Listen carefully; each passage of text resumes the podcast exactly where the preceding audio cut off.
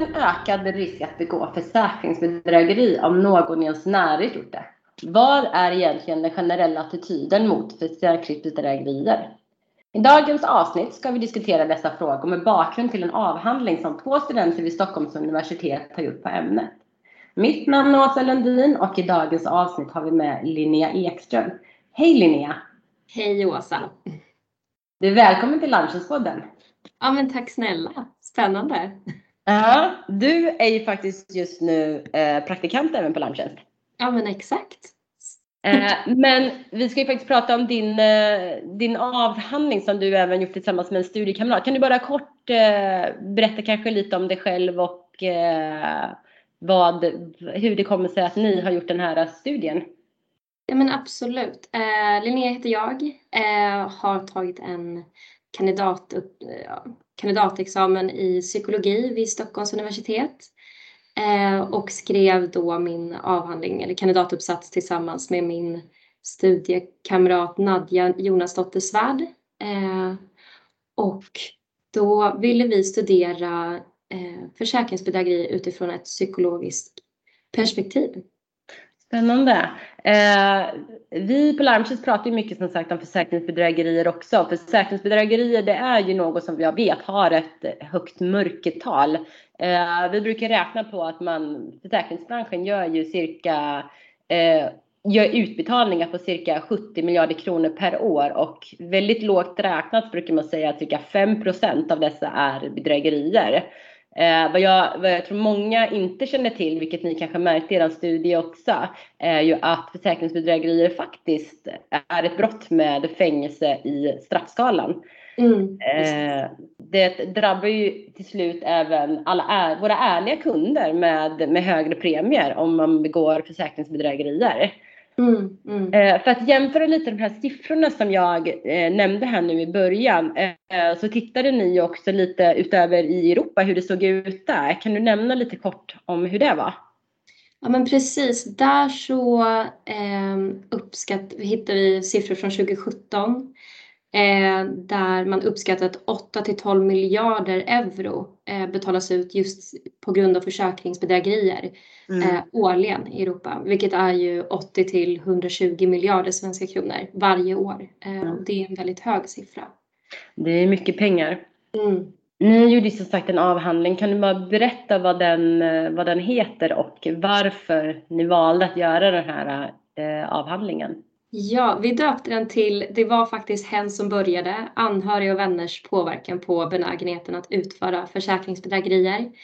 Eh, och första där, det var faktiskt han som började, hade lite med den här sandlådenivån. Att, ja, men det var faktiskt han som började, så rättfärdigar man sitt beteende.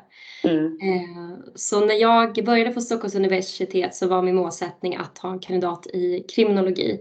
Men i slutändan så blev det en kandidat i psykologi istället och jag fann det lite bredare. Men valde ändå att inrikta lite mer på ekobrott och specifikt försäkringsbedrägerier.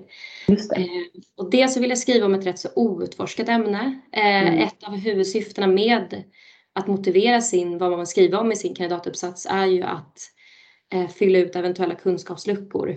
Eh, och där såg jag att det fanns, eller jag upplevde att det fanns kunskapsluckor att fylla. Och jag tog kontakt med olika personer från försäkringsbranschen eh, och därigenom kom jag i kontakt med er. Och jag frågade då, ville alltså, undersöka lite teman och vad som skulle kunna vara intressant ens att studera utifrån ett psykologiskt perspektiv. Eh, mm. Och alla verkligen tog upp attitydsproblemet. Att man upplever att personer i princip kan sitta och prata om att de lyckats lura sitt försäkringsbolag på pengar vid, vid middagsbordet eller med vänner. Mm. Eh, och det har jag, när, jag liksom, när vi pratade om det så hade jag eh, upplevde att ja, men det har jag själv varit med och hört om. Mm. Eh, mm. Att man nästan ser lite som att någonting man lyckas med. Mm. Ja. Det är liksom, man, man ser inte brottet i det kanske. Nej, precis. Eh, så då föll det rätt naturligt att undersöka attityden eh, och uh faktiskt se om det är så utbrett och uttalat eh, som branschen och jag, även jag upplevde det, uppfattade det. Ni hade ju några olika syften med just den här avhandlingen. Eh, ni hade två stycken uttalade syften som ni skriver mm. i avhandlingen. Kan du berätta om de två? Ja, men det huvudsakliga syftet var ju att undersöka om det finns en ökad risk för en individ att utföra försäkringsbedrägeri om det även förekommer bland personens eh, umgänge, vänner och anhöriga. Och detta hade vi lite som ambition att kunskapen skulle kunna bidra med att brottsprevention i framtiden och sådant arbete.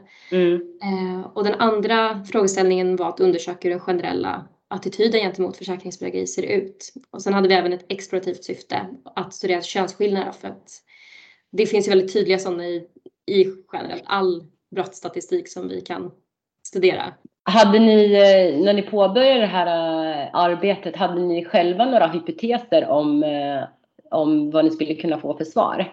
Ja, men utifrån tidigare studier och tidigare statistik så var vår första hypotes att det skulle finnas ett samband mellan att själv ha begått försäkringsbedrägerier och att känna till att det även förekommer bland vänner och anhöriga. Eh, och den andra hypotesen är att det egentligen att eh, vår eh, resultat kommer visa att det finns en generellt negativ attityd. Eh, just för att det är väldigt svårt att fånga in attityder just via enkäter. Eh, mm. Speciellt just kring brottsfrågor. För att det finns en ökad risk för försköning av sina svar och att man inte ser sig själv som kriminell eller något sånt där. Mm. Du säger att det, finns, eh, att det finns vissa problem när man just ska mäta de här sakerna som ni faktiskt skulle göra i studier kring. Eh, hur gick ni eh, tillväga för att ändå försöka få in den här informationen? Eh, ja, men vi, vi skapade en webbenkät och eh, vår strategi var att försöka dölja ytvaliditeten på enkäten, vilket betyder att man inte riktigt vet på en gång när man öppnar enkäten vad det här riktigt kommer att handla om. Eh, däremot så motiverade det till att allt hand frågades ändå om brott, så det var inte så att vi vävde in att ja, men vi frågar om hundar men så tar vi ut frågor om brott. Eh, det kan vara Nej, problematiskt men vi mm. vill ändå eh, se om det gick att kanske jämföra lite så att man får, för att skickar man ut en, en enkät om enbart försäkringsbedrägerier så finns det en hög risk att man bara svarar nej, alltså att det är dåligt för att man, mm. man ska, det är en norm i samhället att man ska tycka mm. att det är dåligt. Um, och vi valde då att ta med klotter, skattebrott, ringa stöld, uh, försäkringsbedrägerier och slutligen fortkörning. Eh, och det motiverade vi till att det var liknande påföljder eh, enligt straffskalan. Mm. Och de flesta är offerlösa brott. Ringa stöld kan vara, off ha offer. Men vi valde en, ville ha så offerlöst som möjligt för där ja. finns det också en psykologisk aspekt i brottsutövandet. Vad, vad visade då de här eh, frågeställningen som ni hade?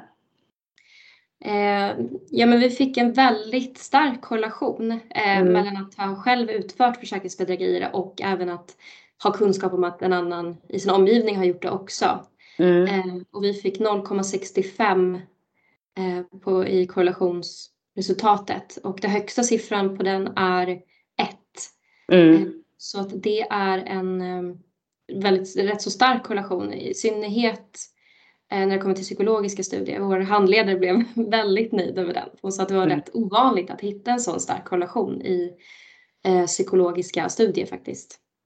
Så du menar att eh, studien visar helt enkelt, eller utifrån det resultatet som ni fick, så kan man säga att det, det visar starkt att eh, om det är andra som har eh, begått brottet så är det lättare att man själv begår brottet. Mm, precis. Varför tror du att, varför tror du att det är så? Hur, varför tror du att vi påverkas på det sättet? Ja, dels är det ju den här grunden med vad vi också baserade teorin på med attityder. Eh, mm. hur det, får, det, det, vet man även, det kan man också dra till bara vad man gillar för typ av musik eller typ av film. Mm. Eh, påverkas i en hög grad av vad sitt umgänge gör och att det också normaliseras i, i sitt umgänge att eh, ja men det är lugnt, man får pengar och det, det, är inget, det skadar inte. Det handlar hela tiden om hur man pratar om saker och det, mm. det formar attityder i vilken aspekt som helst och vilket område eh, mm. som helst. Så det var inte någon det var inte någon överraskning egentligen att det kanske var, fanns ett starkt samband där. Nej.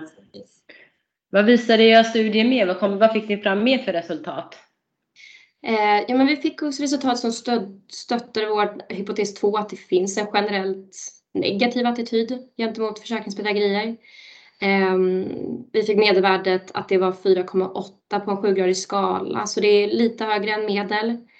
Ehm, som, mot ändå att det var neg alltså det är dåligt för samhället. Ehm, mm. Däremot så såg vi att kvinnor anser att allvarlighetsgraden är högre än vad män tyckte. 5,1 mm. respektive 4,36 där av 7. Ehm, och även att eh, låg benägen, benägenhet att anmäla någon, polisanmäla någon var däremot relativt lågt. 3,8 mm. och 7 bland kvinnor och 3,31 bland män. Så att hos män är det till och med mindre än eh, medel. Hur var det, eh, tog ni in även några kommentarer? Fick man kommentera sina, sina resultat eller fick man kommentera sina svar rättare sagt så att man kunde se varför man har svarat på ett sätt eller tog ni, eller hur gick ni tillväga till det? Eh, nej, det tog vi faktiskt inte med. Dels på grund av dels, alltså det här att försäkra anonymiteten mm, eh, hos personer. Eh, vi samlade inte in någon slags data som kunde, så att vi kunde liksom se vem det var som svarade på så vis. Så där, det är ett negativt med anonymitetsprincipen att man kan ju då inte riktigt fråga men hur tänkte du här eller och alla skatt är olika. Vad som kan anses som, ja men det här är inte så allvarligt, kan betyda helt olika saker för två olika personer. Mm. Så på så vis är det ju där finns det svårigheter med just enkätstudier. Eh, men man får mycket data på kort tid. Jag förstår. Vad, kan ni dra, vad har ni dragit för slutsatser av de resultaten som ni har fått? Har det varit något som har varit överraskande? Ja, men den största slutsatsen var, alltså det, det är ju att eh, det indikerar starkt på att attityd påverkar väldigt mycket benägenhet att utföra försäkringsbedrägerier eh, mm. och att det påverkas i stor grad av sin omgivning.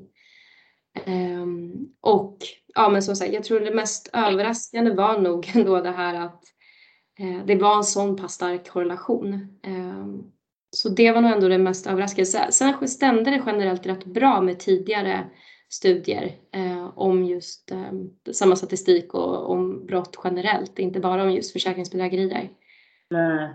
Du tänker lite på det här bland annat med, med kvinnor och män och fördelningen ja. och attityderna gentemot där. Ja, exakt. Och åldersspannet, att det var yngre personer ofta som angav mm. det. Så det stämde väl rätt så bra överens med eh, vad vi tidigare hade lä- alltså grundat enkäten och studien på. Funderade ni någonting? Ni har ju undersökt eh, attityder eh, mm. gentemot det här, det här brottet försäkringsbedrägerier. Eh, och tanken var ju att att man ska kunna använda det här resultatet kanske lite i den typen av arbete för att förhindra försäkringsbedrägerier. Mm. Hade ni några tankar, funderingar om hur man ska kunna bedriva ett arbete för att, för att preventivt då eh, jobba mot den här typen av brott när det då handlar så starkt om attityder? Mm. Men det handlar ju om att ändra ett, en attityd i samhället och det, det kan man göra genom lagen. Um, och den är ju redan lagstadgad så där, fin där finns det redan. Men vi tänkte mycket på just den här aspekten att det är offerlöst men just i stunden. Men att man ändå, det är viktigt att sprida det här med de faktiska konsekvenserna. Att det, tar, alltså det tar, kostar ju samhället väldigt mycket. Eh, mm. pengar som man kan lägga på mycket bättre saker. Mm. Eh, få billigare premier. Eh, det är, man uppskattar ju att eh, villahushåll betalar ungefär 500 kronor extra i månaden på grund av försäkringsbedrägerier. Just det. Och där kan man ju verkligen, det blir ändå mycket i längden och speciellt per hushåll 500 mm. kronor. Mm. Och mm. Det är väldigt mycket och när man sprider ut det på antalet personer som har villaförsäkringar i Sverige. Mm. Eh. Ja, informations, att öka informationsnivån kanske hos, eh, hos människorna om hur både vad det är för typ av brott och eh, hur det faktiskt påverkar gemene man. Ja, exakt så. Eh, sprid media skulle jag uppleva, eller anser jag skulle kunna vara bättre på att rapportera. Det är ju mycket fokus nu på, vad ska man säga, de här mer spännande brotten mm, inom mm. situationstecken. De här mm. som tar klick white collar crime som kanske inte lockar lika den här spänningen Nej. på samma sätt. Och det är Nej. ofta just i stunden. Och, men att man ändå måste ändå sprida den informationen och eh, vikten av vad, vad det faktiskt ändå gör. Eh, mm. Och det påverkar väldigt mycket med den här men om man har en liten slapp attityd inom umgänget och då, då bara reproducerar man den och eh, då ökar det ju naturligtvis. Så jag skulle säga mer, ja men precis som du sa där Åsa, att mer, mer information och eventuellt mer mediatäckning på problemet. Eh, jag tänkte på att bara hoppa tillbaka till er avhandling som ni skrev. Eh, vad anser ni var man säger de största svårigheterna med, med genomförandet av den här studien eh, och med resultatet så att säga? Mm.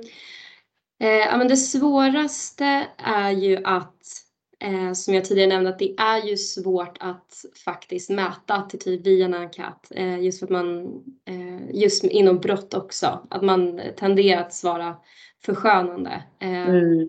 Det skrev jag även om att alltså, om man verkligen vill få reda på de här implicita attityderna, de här omedvetna som kommer direkt till oss och som vi väldigt, mm.